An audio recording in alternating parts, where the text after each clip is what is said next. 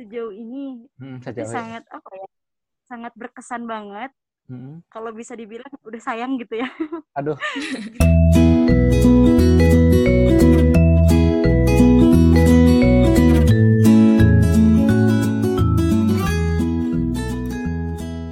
Kali ini bersama sama teman-teman dari wilayah Banten, Jawa Barat sebenarnya. Cuman ini ada perwakilan dua dari Pandeglang sama Bandung.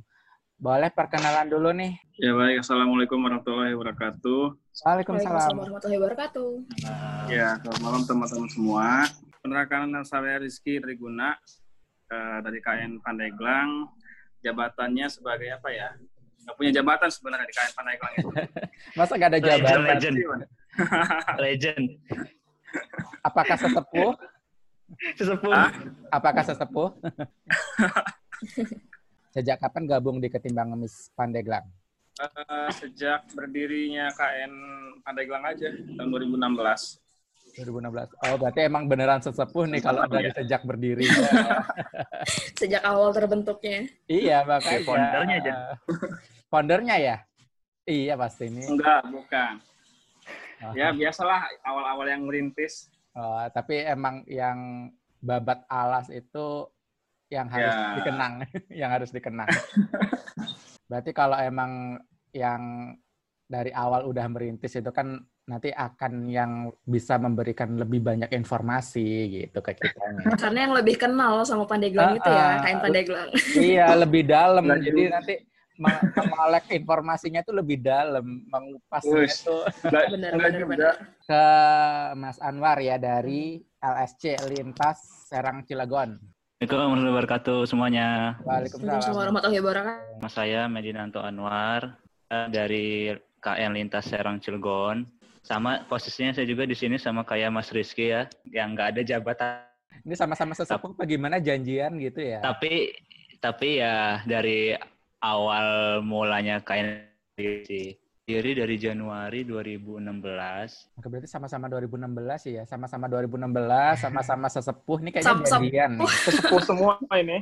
Ini saya sama Mas Rizky kebetulan dua-duanya dapat istrinya sama sama dia si Rizky sama-sama kain Pandeglang sama-sama kain Serang Cilegon Wah, Oh apa gitu. Kalian ada hubungan apa sebenarnya? Kalian ada hubungan apa sebenarnya? Ya mu- mungkin jodohnya di situ. Ah, ah, boleh nih Mas Rizky diceritain awal terbentuknya KN Pandeglang itu gimana sih? Kalau berbentuknya itu eh, kalau pas lebaran sih, lebaran tahun 2016. Biasa kan hari-hari libur ya. Temen tuh ngajak ini, temen ngajak eh, bikin komunitas yuk. Terus kata saya kan ngajak dia, komunitas apa? Kemis. kata. Emang ada? Ada. Setelah dijelasin, saya searching kan, ada ketimbang ngemis. Ya udah, eh, setelah lebaran, setelah plus 7 kayaknya, kumpul, ngajak ya ber- berapa orang gitu ya teman-teman SMA sebenarnya Mhm. ya udah dibikin dibikin grup aja KN Pandeglang ya karena kita juga awal-awal mula nggak tahu kan KN itu seperti apa langsung kontak KN LSC jadi sebenarnya KN Pandeglang sama KN LSC itu dari awalnya sudah sudah ini. Saling berkolaborasi ya. saling uh, komunikasi. Cuman saya dulu bukan ketua sebenarnya. Nggak tahu jabatannya apa tapi suka ke sana kemari gitu. Kalau ngajak ketemuan pasti saya jadinya sering kumpul-kumpul sama teman LSC sama teman-teman yang di Pandeglang juga. Dan ya awal-awal mungkin masih eh, berdua paling bertiga dan akhirnya sampai sekarang ini jadi sudah empat tahun dikira saya tuh nggak bakal nyampe empat tahun tapi alhamdulillah masih bisa bergenerasi Kenapa kok namanya itu Lintas Serang Cilegon gitu? Kalau yang lain Cilegon. nama kotanya itu aja. gitu. Benar, kenapa benar. Ini, kenapa ini ada harus ada lintasnya gitu?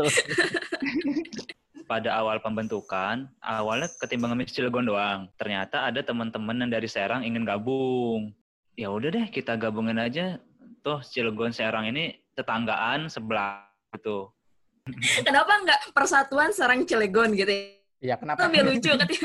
Kenapa harus kata lintas gitu? Kalau lintas kan kayak seakan-akan cuma li- perlintasan doang gitu kan. Karena emang Cilegon Serang tuh melintas aja satu lintas gitu tuh. Itu satu jalan gitu maksudnya. Iya, iya, iya. Syarat makna. Iya. Yang penting ada kata penghubung aja gitu ya. Iya. Nah, yang pasti dominan Cilegon. Gitu. Dari dari awal terbentuk itu Cilegon. Nah, karena Tapi memang- Hmm.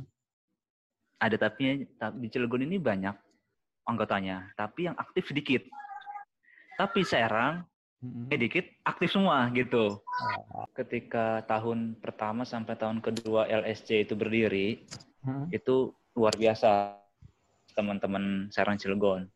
Bahkan sampai kita itu bisa 10 orang, 12 orang, itu sam- eh, sampai si sosok mulianya ini takut kita ada apa nih rame-rame gitu kan? Takut-takut deh. Apakah ada apakah dia kolektor atau ada apa ini kok rame-rame gitu kan? Hmm. Tapi makin ke sini kan namanya seleksi alam ya Mas ya Mbak. Kira sekarang sisa dua yang survei. nah itu dulu juga kita tuh sebulan bisa empat atau enam satu bulan. Jadi seminggu tuh targetnya kita satu kali eksekusi satu minggu. Itu gantian seminggu di Cilegon, seminggu di Serang, seminggu di Cilegon, seminggu di Serang. SDM-nya makin berkurang, akhirnya uh, seming sebulan tuh cuma dua, akhirnya sebulan cuma satu, sampai sekarang ini gitu.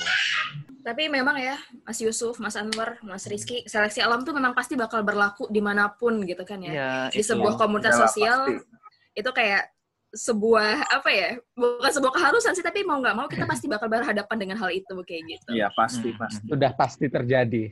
Kalau dari Mas Rizky sendiri nih, Pandeglang itu seleksi alam ya banyak juga sebenarnya. Tapi ya mungkin kita dari teman-teman kalau Pandeglang kan keba- eh, awal mulanya kan teman-teman SMA ya, Hmm. teman-teman saya semua. Jadi seleksi alam itu nggak begitu nggak begitu langsung sekaligus gitu. Kalau teman angkatan pertama ya, tapi angkatan kedua, angkatan ketiga itu seleksi alamnya paling yang nyangkut dari 20 paling yang nyangkut tiga atau yang nyangkut lima kayak gitu. Kalau kalau dari dari awal kebentuknya eh, paling sosok mulai kita sedikit, paling dua sosok paling banyak itu dua sebulan itu. Paling banyak Yang- dua. Yang turun ya dari awal nggak bak, nggak bakal nggak banyak banyak. Kalau eksekusi itu paling ada empat orang, enam orang, paling banyak juga tiga motor gitu. Asik. Ini kayaknya ada tamu yang baru datang, Mbak Resti. Perkenalkan, saya Iam dari regional Jawa Barat Bandung berarti ya, Sampurasun. Jadi Bandung itu berdiri di tanggal 20 Juni 2015. 8 hari setelah Ketimbang Ngemis berdiri. Awalnya sih Ketimbang Ngemis Bandung itu kita beranggotakan berapa ya? 9 kalau nggak salah atau 11 ya aku lupa awalnya kita berdiri karena ber- eh, melihat berdirinya Ketimbang Gamis Pusat. Dari situ kita dari Kota Bandung mulai untuk menggerakkan anggota. Eh, awalnya sih hanya teman-teman dekat, teman-teman dekat ya, yang satu permainan lah ya, nggak jauh-jauh lah pastinya. Dari situ kita awalnya nggak punya uang sama sekali nih buat melakukan eksekusi karena target kita pun hanya awalnya untuk memberikan informasi tentang sosok mulia. Kita patungan awalnya. Dulu pertama kali kita dapat target itu bapak-bapak penjual koran di daerah Pasir Kaliki. Kita keluarin uang yang ada di dompet kita. Kamu punya uang berapa nih? Katanya. Wah aku udah goceng, wah aku ada sepuluh ribu nih dompet. Yaudah kita keluar aja kita patungan. Untuk ngebantu sosok mulia. Awalnya dari situ. Lalu kita bantu sosok mulia dengan cara kita langsung yang ngejual dagangan mereka. Kita bawa nih dagangan sosok mulia nih, kita yang ngider ke mobil-mobil. Koran, koran, koran, koran. Gimana sih kayak orang kayak kayak pedagang kaki lima yang lainnya yang ada dalam mereka. Kita kayak gitu. Dan alhamdulillah laku semua. Dari situ awalnya kita berdiri. Eh, kita dari situ kita mulai perekrutmen anggota karena kita sudah membuat kepengurusan. Alhamdulillah antusias Bandung eh, orang-orang Bandung pun baik terhadap kita dan dalam jangka waktu dua atau tiga bulan kita waktu itu dapat berapa ribu follower ya aku lupa Itu emang termasuk cepat ya perkembangannya ya dari Bandung. termasuk sangat cepat sekali dari Ah. Bandung alhamdulillah dan termasuk Alhamdulillah. kalau nggak salah sekarang Bandung ketiga apa keempat gitu ya yang terbesar Wow. followersnya Hmm. nggak tahu saya juga lupa nih kalau nggak salah ya Ya. nah setelah itu eh, kita sampai bulan Desember kita nggak pernah buka open donasi nih Mm-mm. kita pure duit pribadi semua tapi lambat laun karena orang Bandung terkenal dengan sumringah bager gitu ya bager. Akhirnya udah kayak mereka pada ingin open donasi. Min open donasi dong dari Instagram Cuma Bandung. Akhirnya kita mencobakan beranikan diri untuk open donasi di bulan Desember 2015 dan alhamdulillah setelah itu open donasi. Ternyata antusias Bandung pun banyak banget untuk membantu para sosok mulia. Kalau boleh tahu dari Mas Iam sendiri jabatannya apa kalau sekarang di KN Bandung? saya anggota biasa Kang aduh hanya anggota saya mah Eh, masa kayak ada yang ditutup-tutupin sih sebenarnya? ya alhamdulillah eh, buat hari ini saya dipercaya oleh Ketimbang Unis Bandung untuk menjadi ketua semoga bisa amanah ya. Amin. Alhamdulillah. Amin. yang aktif deh ya buat saat ini ada di angka 62 Oh. Tuh rame banget. Keren, keren, keren, keren, keren, keren. alhamdulillah 62 di grup bukan di Di lapangan grup. Di grup kita juga rame nih masalahnya. oh di grup rame ya paling di lapangan yang eh, ada hampir ada 50-60 persen lah kalau target dari kita 15 Hmm, dalam satu bulan. Tapi karena ada survei dan sortir, hmm. dari misalkan 15 target yang kita berikan, misalkan yang layak hanya 5, atau misalkan yang layak hanya 7 atau 10, ya udah kita eksekusi yang layaknya aja. Kalau untuk jumlah orang yang turun, kita dibagi di 5 titik. Kalau Bandung itu, jadi ada Bandung Barat, Timur, Utara, Selatan, dan Pusat. Mhm. Nah, itu jadi orang-orang yang tinggal di dekat titik itu ya mereka yang ngurusi eh, bagian-bagian sana. Biasanya sekali survei paling yang turun sih nggak banyak ya, paling 3 5 karena kalau survei keramaian pun orang bingung mau ngapain gitu. Pernah Ada pengalaman tiga- berarti ya?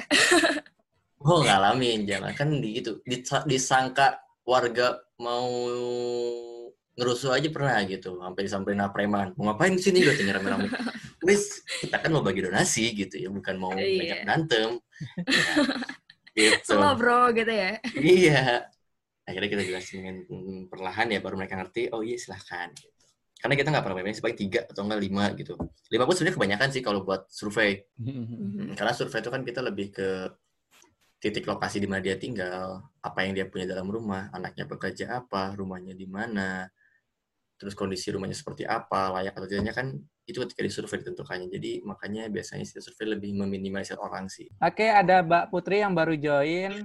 Malam, Mbak. Ya, malam, malam semua. Aku Malam. Dari mana? Halo Mbak Putri. Halo, dari KN Garut. Putri udah gabung di KN Garut baru ta- 1 September 2019. Sekarang Putri jadi admin. Admin ya. admin. Hmm. Ya, di admin. Hmm. Juga tanggung jawab lah beberapa kalau jadi handlean kalau yang kakak-kakak yang lainnya lagi agak ada gangguan, mungkin Putri yang bisa mewakili kayak gitu.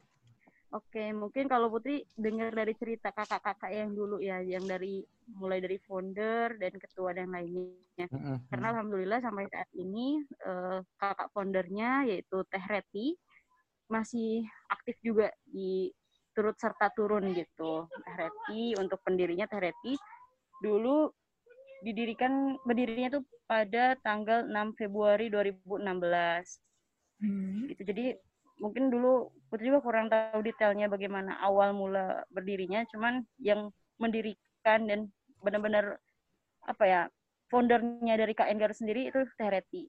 Dan saat ini yang masih aktif kurang lebih 20 relawan yang aktif secara online, secara support eh, apa langsung turun juga ke lapangan dukungan yang lainnya juga karena mungkin eh, yang udah lama-lama sudah mulai ada yang menikah, ada yang bekerja di luar kota, jadi agak sulit juga untuk turut serta turun ke lapangan. Tapi alhamdulillah teman-teman yang lainnya juga tetap banyak sih yang turut turun gitu untuk eksekusi survei dan lainnya. Untuk sekarang ketuanya kita sama Teh Sasa. Berarti sama dengan beberapa KN sebelumnya ya Mas Yusuf ya. Selalu ada Iya. seleksi alam di Ya, yang penting regenerasinya aja. Sejauh ini Hmm, sejauh ini. sangat apa ya? Sangat berkesan banget. Hmm. Kalau bisa dibilang udah sayang gitu ya. Aduh. gitu. ya karena masya Allah sih gitu eh, sering juga alhamdulillah untuk turun ke survei eksekusi belanja gitu-gitu kan itu tuh seru banget sih gitu Mhm. kayak untuk survei Hmm. kita bener-bener nyusun strategis nih jadi kadang kita tuh nggak nggak menyamaratakan gitu. Kadang ada nih kita sosoknya kita cocoknya gimana?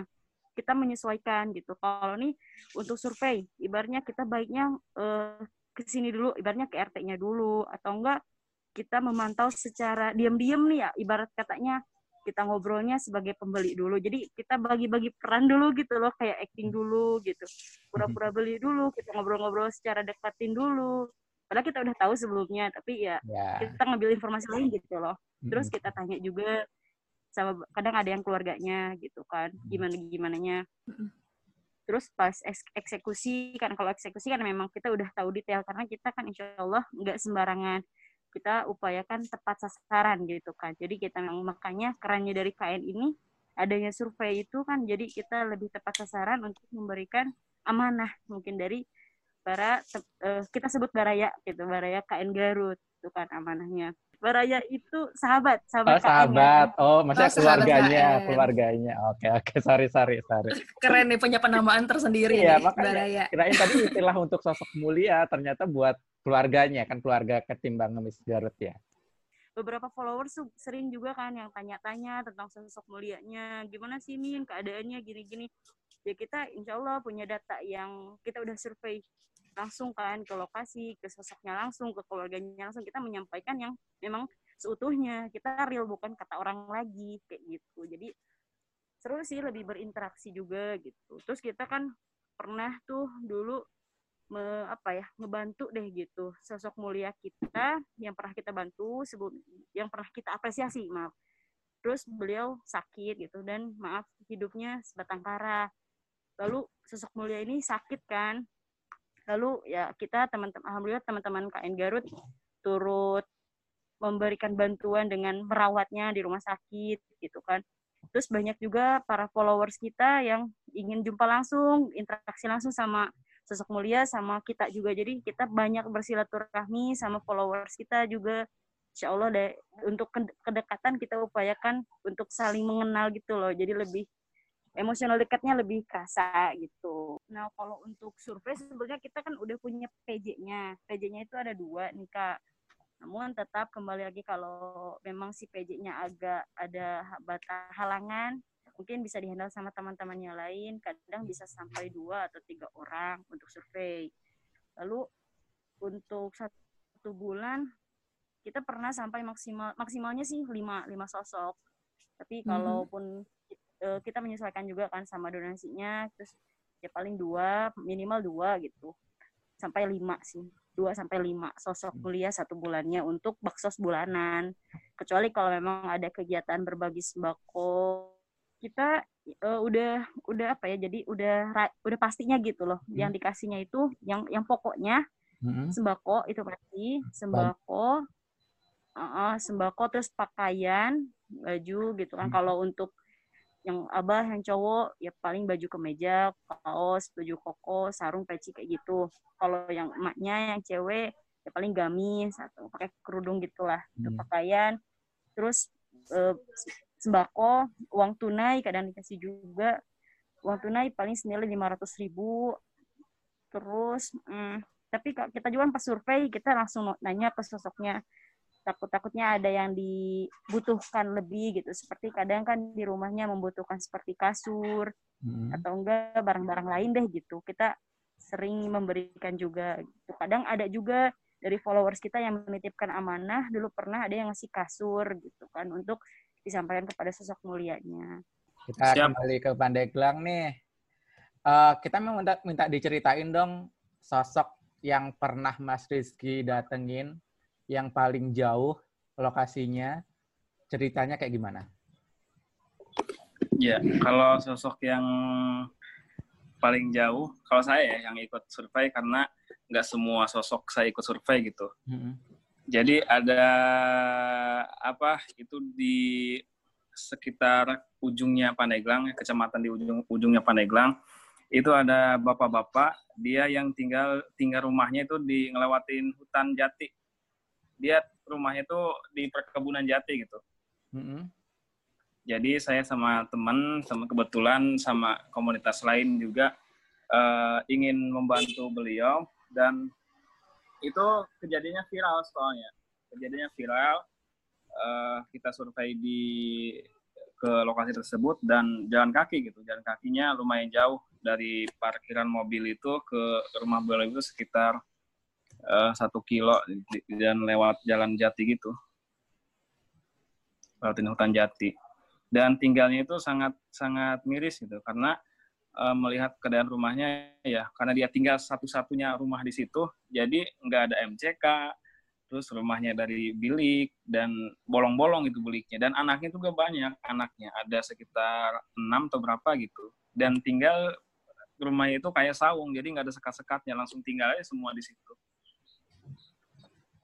dan alhamdulillah gitu ketika kami ke situ sama eh, bergandeng sama komunitas lain dan kita melakukan apa namanya komunikasi sama kepala desa ya di sana. Dan alhamdulillah gitu sampai sekarang ini mungkin eh, saya cerita apa saya tahu dari teman yang yang yang tinggal di sana dan sudah dibuatkan rumah yang lebih layak bukan di hutan jati itu. Dan sampai sekarang alhamdulillah beliau bisa tinggal di rumah yang lebih layak lah dari sebelumnya. Itu yang paling jauh sih, yang Iya. paling jauh yang kalau kalau saya yang ikut survei gitu. Tapi Ya. teman-teman yang lain mungkin banyak juga gitu yang yang lebih jauh dari itu. Jadi kalau masalah jarak yang jauh, tadi kayak kita pertanyaan sama KN sebelumnya, di Bandung justru unik nih. Kalian udah dibagi per, apa ya, bisa dibilang per eh, Iya, per titik gitu ya Mas ya. Ada lima titik Iya, yang ada di. Bandung kayak gitu. Ada cerita Zong tersendiri nggak sih Mas Iam? Kalau Zong sih larinya kita alhamdulillah enggak ya karena rata-rata alamat itu udah fix ketika kita lagi survei gitu. Tapi paling Zong itu tuh ketika kita belum ada survei, zaman-zaman kita belum ada survei karena sebelumnya kita langsung lakukan eksekusi tanpa survei. Kita pertolongan di mana orang yang mau kita bantu, ketika kita datang ke rumahnya, itu daerah Soreang kalau nggak salah, daerah eh, Soreang. Kita datang ke rumahnya. Di rumahnya ada warung. Warung warung apa ya sebetulnya ya warung deh. Pokoknya warung deh ya. Warung warung sembako. Ya sembako ya. Pokoknya warung deh. Nah udah gitu kita kita kita masuk ke rumahnya ada isunya yang nyambut. Isunya kalungnya emas gelangnya emas. Kita bingung dong terus kita disuguhin makanan minuman ini kita yang mau di, siapa kita yang mau dijamu ya gitu sudahlah namanya kita sudah turun sudah datang sudah nggak mungkin kita maaf pak saya tarik lagi nggak mungkin ya Hmm. Akhirnya kita eh, sampaikan nah dari situ baru kita menerapkan sistem survei gitu sih jadi alhamdulillah setelah kita terapkan sistem survei zong alhamdulillah nggak ada sih Oh, kejadian itu justru ada sebelum kalian melakukan survei dulu gitu ya Mas? ya? Iya, waktu awal-awal kita berdiri ketimbang Miss Bandung. Hmm, itu dia makanya tadi aku Gitu. bilang penting banget yang namanya survei. Jadi kita Mm-mm. bisa memfikskan nih lapangan dengan realita menurut kacamata kita ketika udah sampai ke rumah sosok mulia yang mau kita bantu gitu ya Mas ya. Karena kemarin pun juga ada sempat tuh eh, viral kayak aba-aba di kota Bandung penjual gorengan eh gorengan apa kayak kayak kerupuk gitu kayak rempeyek gitu pakai Mhm. tongkat beliau sebenarnya dia udah pernah kita survei di tahun 2018 kalau nggak salah dan itu pun bekerja sama sama Ketimbang Ngemis Garut informasinya dari Ketimbang Ngemis Garut bahwa emang rumah beliau layak gitu beliau di Bandung berjualan hanya karena eh, gabut pengen nyari kesibukan udah dilarang pun Karena Beliau passion gitu ya Mas ya. Iya, viral sumpah, viral banget. Kita udah akhirnya Hmm. kita menjelaskan bahwa sorry ini udah pernah kita ini informasinya ada di link ini, silahkan dicek terlebih dahulu bahwa keluarganya seperti ini. Akhirnya mereka oh iya paham. Tapi tetap ya namanya media ya, kita nggak bisa Hmm. ngelihat semua dari kaca media karena realita dan media selalu berbeda gitu. Kita nggak ngelarang buat eh, berbuat berbagi ya, tapi ya masih banyak alokasi yang masih bisa kita sesuaikan lah sebenarnya gitu. Bukan berarti Mm-mm. melarang orang lain untuk donasi, tapi kalian hanya menyampaikan fakta yang menurut kalian aja sebenarnya. Iya. Mm-mm. Ada cerita zong nggak sih Mbak dari Mbak Putri sendiri ketika di KN Garut, mungkin ketemu sama eh, sosok mulia di lapangan ketika jualan, tapi ternyata nih mungkin berbeda ketika udah mampir ke rumahnya gitu, atau gimana? Eh, kalau sosok ini mungkin Kang Ian bisa ini ya dulu eh, sebelumnya pernah ada sosok mulia yang jualan apa ya keripik kalau nggak salah ya di daerah Bandung. Lalu Mhm. beliau sebetulnya orang Garut.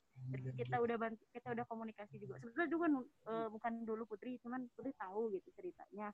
Dulu jadi udah kita survei ternyata eh, maaf gitu mereka layak gitu keluarganya layak. Eh, bisa dibilang istrinya dari sosok mulia ini berperhiasan gitu. Sedangkan si abahnya ini beliau jualan eh, apa jualan singkong apa keripik gitu ya Yam di daerah Bandung gitu. Tapi beliau tinggalnya di Garut. Jadi itu viral sih viral sampai sekarang bahkan bah- walaupun dulu kasusnya udah beberapa tahun lalu tapi sampai detik ini pun masih banyak tuh yang ngetag ke KN Garut. Dan Hmm. kita baik-baik men- menjelaskan menyampaikan yang sebetulnya sudah kita survei langsung bagaimana kondisinya yang real gitu memang kita udah cari tahu informasinya gitu kita tidak tidak membatasi mau membantu atau tidak yang pas yang tapi kita menyampaikan informasi yang memang sudah kita ketahui secara survei langsung gitu sih Ini yang sama kayak Mas Iam ceritain tadi ya Mas Iam. Ya, betul banget. Yang aku bilang viral itu loh. Hmm. Karena emang nyambung ya. Bandung sama Garut. Nyambung. Nyambung sama Garut. Cocok lah, padahal kita nggak janjian ya. Iya, makanya. tadi tadi ada Pandeglang sama LSC gitu nyambung ya. Sekarang ada Garut sama Bandung nyambung juga. Nah, jelas. Jawa Barat sehati. Wah, Ya Bang Ki? gitu. Ini dapat jodoh dapat jodoh dari Garut nggak? Soalnya tadi Oh, belum, boy. Kita masih mengkaitkan yang sebelumnya ya Mas Yusuf ya. iya, soalnya yang Aduh. sebelumnya itu Pandeglang dapat jodoh dari LSC, LSC dapat jodoh dari Pandeglang gitu. Aduh, belum nih. Nggak tahu Garut nih, belum mau kenalan sama aku. Mbak Putri, Mbak Putri merasa terpanggil. Oh iya ada. gimana? Eh, Jadi sebenarnya eh, sosok itu sering saya lihat gitu ketika saya jadi motor di jalan pakai motor ya. Mm, sering lihat dan sudah beberapa kali saya berhenti dua kali kalau nggak salah. Saya tanyain alamatnya mm.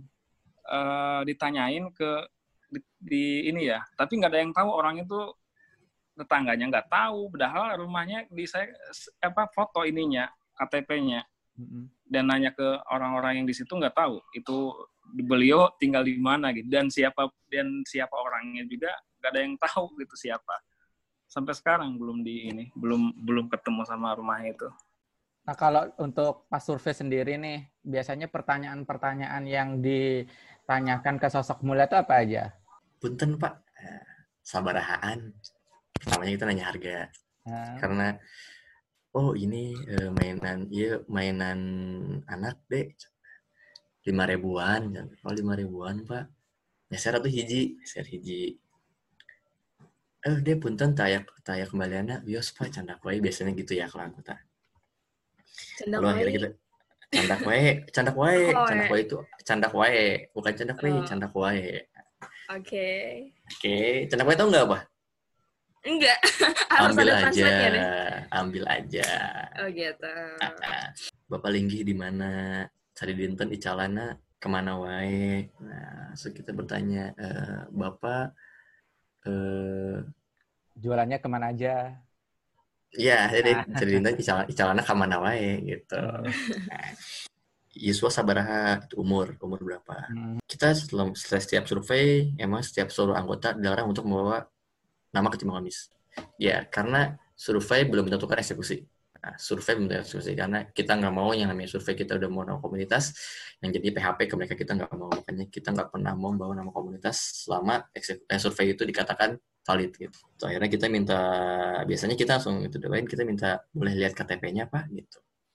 KTP kita KTP biasanya kita lihat alamat kita fotoin KTP-nya.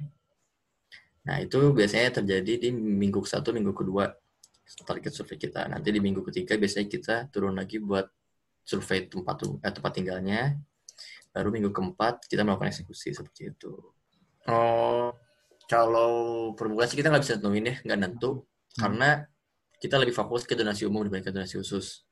Tapi untuk tahun 2019 kemarin kita ngehabisin uang senilai 110 juta. Oh, banyak juga ya. Kalian punya perhitungannya dalam waktu satu tahun ya? Enggak, karena ya itu uang itu harus dihabisin gitu kan uang mereka ya. Jadi kita Iya, harus iya, dihabisin iya. tuh kita alhamdulillah. Iya.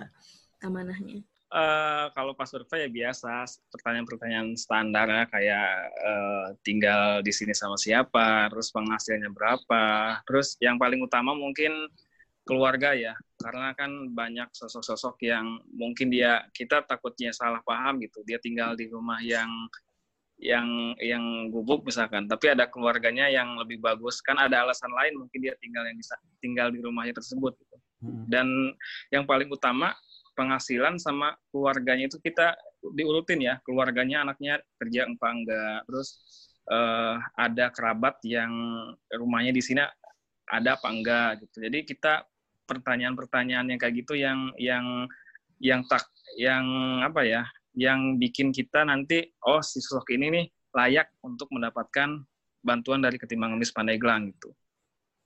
Jadi bukan hanya dia eh, apa namanya keadaan rumah mungkin nggak bisa ini ya karena ada beberapa sosok ketika kita datangin kok dia tinggal di sini? Ada apa? Pas ditanya-tanya ada keluarganya ada anaknya. Anaknya kerja apa pak? PNS kan kan kita oh kok Pak, bapak tinggal di sini karena saya nggak mau eh, apa namanya nggak mau merepotkan anaknya makanya di apa nyuruh anaknya buatin rumah seadanya gitu oh makanya jadi sekarang ini eh, apa kita diurutin dulu antara pekerjaannya, keluarganya dan dan tanggungan jumlah apa tanggungan keluarganya tuh di rumah tersebut ditanggung sama siapa? Dia tinggal di situ itu eh, sama apa namanya anaknya, ada ada keluarganya atau tinggal sendirian. Mm. Ya Dan itu pentingnya survei ya, Mas Rizky Iya, ya. itulah penting survei. Takutnya kita salah paham gitu. Dikira Benar, benar, benar. tinggal di gubuk, ternyata ada keluarga kerabatnya yang memang pengen dibuatin kayak gitu gitu tuh. Mhm. Dan kita kan sebagai kalau netizen kan mungkin ya langsung ini aja kan kasihan kasihan tapi setelah kita survei oh mungkin dia sebenarnya layak orangnya orang mampu tapi emang tinggalnya pengennya di situ gitu. Sejauh ini Mas Rizky, eh, donasi yang pernah diterima sama KN Pandeglang, itu totalnya berapa deh yang paling banyak? Paling 4 juta. 4 Masya juta Allah, itu sih udah, udah gede juga ya. Ya, alhamdulillah udah udah gede dan dan ya kita itu apa ngasih 4 juta tapi kita nggak kasih semua gitu dalam satu waktu ya. Mhm. Jadi kita kasih per bulan karena ngeri juga orang udah tua megang uang banyak terus tinggalnya eh, di tempat yang kurang aman lah kalau kalau menyimpan uang banyak-banyak kayak gitu. Makanya kita tiap bulan kasih seperlunya aja. Kalian ngasih dalam Kebutuhan bentuk uang gitu ya, bukan dalam bentuk barang sesuai Uang- kebutuhan dari uang- masing-masing sotif. Eh, uang dan barang. Mhm. kita kasih uang dan barang nominal sama ya. Bapak namanya kalau kita kasih 4 juta dikurangin aja tuh, misalkan 300 atau 4, 500 per bulan gitu. Sampai akhir kemarin tuh kita ngasih hampir setahun kayaknya. Ya disiasatin gitu, takutnya uangnya hilang kan kalau dikasih uang banyak. Makanya dikasih per bulan. Sistemnya kayak gitu. Kalau di Pandeglang ya. Ada ini namanya Mak Imas. Beliau Imas. penjual lotek. Mm, penjual lotek usianya itu berapa ya lupa 80 apa 90 deh kalau nggak Mm-mm. salah. Mm. Beliau betul-betul tinggal sendirian. Eh, jadi maaf ya dulu eh apa beliau tidak mempunyai anak kandung gitu. Jadi di usia tuanya beliau menikmati sendiri dan memang ada sih saudara-saudara terdekatnya di sekitar rumahnya gitu. Terus eh, suaminya telah wafat tahun lalu juga di usia 90 sekian deh. Itu keren banget loh. Jadi kisah kesetiaan suami istrinya bener-bener mereka tuh berjuang berdua, nyari nafkah berdua gitu. Untuk si maknya jualan lotek, terus si abahnya juga ngebantu-bantu gitu deh pokoknya. Jadi bahkan sampai detik ini memang masih ada keluarganya si daerah Bandung gitu. Katanya minta emaknya untuk tinggal di sana aja. Katanya emak nggak usah kerja lagi. Tapi satu hal yang bikin emak tetap semangat tuh emak masih mampu katanya. Ah bah, apa tuh cobek kan? Jadi kata bahasa bahasa emak gini emak emut karena karena cowet emak kiat karena karena cowet yang artinya tuh emak masih ingat sama cobek emak emak masih kuat kok ngulek. Emak katanya masih ingat sama cobek emak emak masih kuat kok ngulek ini lotek katanya. Emak masih enggak uh, masih kuat untuk nyari nafkah minimalnya untuk makan emak deh katanya. Emak nggak nggak mau menggantungkan sama orang nggak mau nyusahin orang. Dari sana kayak tersadar Insya Allah gitu di usianya yang udah sangat tidak muda lagi gitu hampir satu abad kan gitu beliau masih tetap bertahan gitu. Ya mungkin kita sendiri anak muda disuruh ngulek gitu kan. Ya males ah capek kata gitu kan. Ini emak di usianya udah maaf bahkan uh, tubuhnya pun udah mulai membungkuk gitu kan. Emak tetap semangat banget untuk nyari nafkah untuk dirinya gitu kan. Jadi untuk ah nangis segini adanya gitu. Putri kadang sering juga main ke rumahnya langsung gitu kan ya jadi kadang beliau tuh menceritakan juga kisah-kisah dulunya seperti apa jadi banyak pelajaran yang bisa diambil sih sering terharu banget sih dengan kisah-kisahnya bang yang penuh banget perjuangan gitu Benar-benar. Dan itu sih bedanya kenapa kita pada akhirnya menyebut orang-orang hebat ini sosok mulia gitu kan. Karena emang dari mereka pada akhirnya kita belajar banyak hal. Bukan hanya sekedar kita yang memberi, tapi pada akhirnya juga kita yang mendapatkan dari mereka gitu ya Mbak Putri ya. Kalau Putri sendiri nih lebih ke ngasih informasi dulu pendekatan. Mungkin di story-story WA pribadi gitu. Nge-share nih apa sih Kak ya. Jadi lebih pertama meng, apa, mempromosikan. Mungkin masih belum tahu orang ada beberapa yang nggak tahu jadi apa promosikan dulu KN itu apa kita mempromosikan tujuannya ini ini ini lalu ketika mereka lebih tersadar gitu sebetulnya kan oh iya bu oh bukan ini jadi lebih mereka teman-teman yang lain lebih apa namanya terinspirasi juga gitu termotivasi kan untuk uh, mengenal lebih jauh seperti apa sosok mulianya itu. Jadi kalau udah mereka lebih mengenal mungkin mereka akan lebih dekat gitu kan. Jadi putri lebih pertama untuk mempromosikan dulu apa memberitahukan dulu. Terus nanti mereka lebih nggak nggak malu lagi untuk mendekat ke para sosok mulianya. Lebih, kita mempromosikan untuk yang pertama jangan cuman kasihan ih kasihan kasihan. Nggak kayak gitu doang gitu. Karena kita, kita mengutamakan mengapresiasi menghargai perjuangan mereka dengan cara apa? Sesuai dengan kampanye kita semua kan memberi dengan membeli gitu. Beli jualannya. Terus kalau perlu ya boleh dilebihkan sedikit uangnya gitu. Terus kalau bagus lagi eh, apa kita menginformasikan untuk share fotonya gitu ke KN Garut supaya nanti kita post dengan tujuan untuk mempromosikan sosok mulianya juga kan. Tapi dengan syarat untuk lebih baiknya izin dulu sama sosoknya gitu. Kalau mau difoto dan di share agar tujuannya itu tadi agar masyarakat lain lebih tahu dan uh, jualan abahnya bisa lebih laku lagi insya Allah kan dengan jalan wasilahnya melalui di share foto itu gitu. Mungkin lebih banyak dikenal. Karena sejauh ini alhamdulillah sih gitu banyak juga udah beberapa pengalaman. Setelah kita pernah share gitu beberapa sosok mulia salah satunya Abah Taryo gitu kan sebagai contoh. Beliau penjual cilok usianya udah berapa 80 lebih kalau nggak salah lupa deh. Ya, apa alhamdulillah gitu banyak juga komunitas di Garut yang turut menemukan abahnya dan lebih suka lebih seru kayaknya menurut mereka itu untuk berinteraksi dengan sosoknya gitu. Jadi lebih me menyebarkan lagi virus-virus kebaikan di Garut terutama gitu. Bahwa pentingnya baiknya untuk kita lebih mengenal dan menghargai pentingnya dari para sosok mulia gitu di Garut. Kita tidak usah memandang seberapa besar dan kecilnya nominal yang kita berikan, tidak usah memandang seberapa besar dan seberapa capek lelahnya kita upayakan secara tenaga, tapi karena esensi memberi itu bukan dari sana, tapi karena ketika si pemberi dan penerima sama-sama bahagia, itu sih yang lebih kita semakin semangat. Kalau ini ada nggak cerita dari sosok mulia yang bener-bener bikin kamu terenyuh, dapat banget gitu, masuk ke hati sampai nangis, mungkin ada? sampai oh. bawa pikiran gitu ya. Iya, uh, yang, yang, yang bikin... Kan pasti ada, bener-bener. bener. Yang sampai bikin baper gitu loh. Ya kalau mungkin baru kemarin yang aku alamin, karena waktu itu aku nge-eksekusi beliau itu penjual mainan, penjual mainan di Bandung Timur. Beliau jual kincir angin.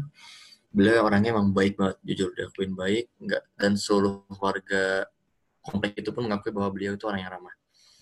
Akhirnya eh, waktu waktu melakukan eksekusi bersama teman-teman, beliau bercerita tentang lewat hidupnya bahwa beliau ada penyakit, ada sakit, saya sesak, dan beliau mendoakan kita.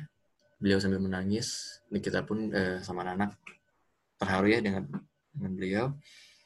Pas kemarin kita melakukan target untuk pemberian donasi parcel Hmm. ketika lagi bulan mau menghadapi eh, mau lebaran mau menghadapi lagi mau lebaran aku datang ke sana langsung. Ketika aku datang ternyata seminggu sebelum eksekusi beliau sudah tiada. Itu beliau benar-benar mengajarkan di mana kita sebagai manusia bagaimanapun kondisinya di- beliau, beliau pernah berpesan tetaplah berbuat baik tetaplah berikan senyuman terhadap siapa pun walaupun walaupun orang yang kita berikan senyuman tidak membalik senyum karena itu adalah suatu ibadah bagi kita semua. Beliau bilang saya gitu.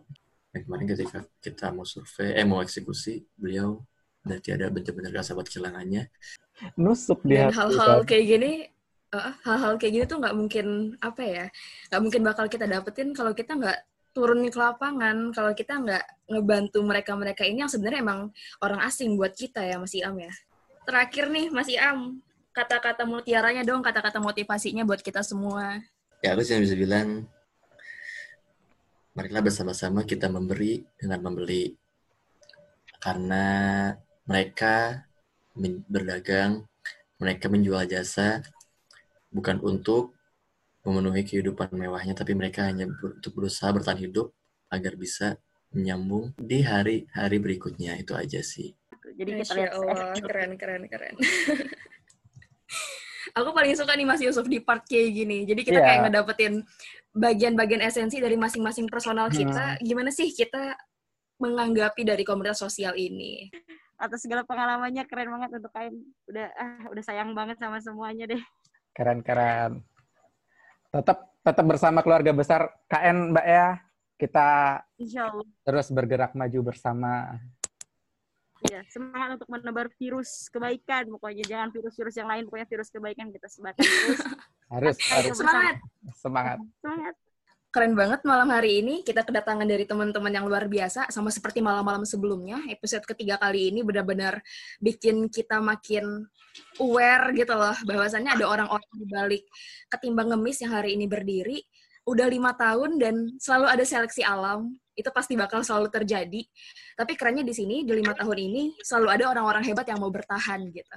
Dan dari malam hari ini juga bisa aku simpulkan bahwasannya survei itu sangat-sangat penting gitu. Karena bakal kita temui di lapangan dan uh, realita ketika kita udah mampir ke rumah sosok mulia kadang tidak sesuai dengan ekspektasi kita. Dan bukan berarti kita menutup kemungkinan untuk uh, tidak memberikan bantuan tapi minimal dari sini kita sadar bahwasannya ada orang yang benar-benar lebih layak untuk kita bantu kayak gitu. Dan seleksi uh, apa kita kita menseleksi orang-orang untuk kita bantu di sini itu juga menjadi poin terpenting dari ketimbang ngemis bahwasannya di sini kita benar-benar nggak sembarangan dalam memberi bantuan. Karena amanah dari orang ya harus sampai tepat di tangan yang berhak menerima kayak gitu sih. Luar biasa malam hari ini. Give an applause dong buat kita semua.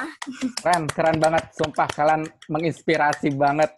Oke, eh, kita, saya, Yusuf, sama Mbak Resi mengucapkan banyak terima kasih buat narasumber malam ini. Tadi ada dari Pandeglang, Mas Rizky. Dari Lintas Serang Cilegon ada Mas Anwar. Ada Ba- Bandung dari dari Bandung ada Mas Iam. Garut terakhir dari ada Mbak Putri ya. Oke, teman-teman. Jadi eh, sampai di sini podcast kita Makasih banyak yang udah ngeluang- ngeluangin waktunya. Mata dan hati dari fitrah dilahirkan untuk melihat. Mengamati sekitar bahwa manusia dan nasib itu terikat. Banyak saudara kita yang hidup dalam kekurangan. Banyak juga dari kita yang hidup dalam kemewahan. Sudah menjadi kewajiban untuk menyalurkan tangan, menyalurkan senyuman dari para dermawan. Untuk mereka yang menyambung hidup dengan perjuangan. Ketimbang ngemis, say no no to to ngemis. ngemis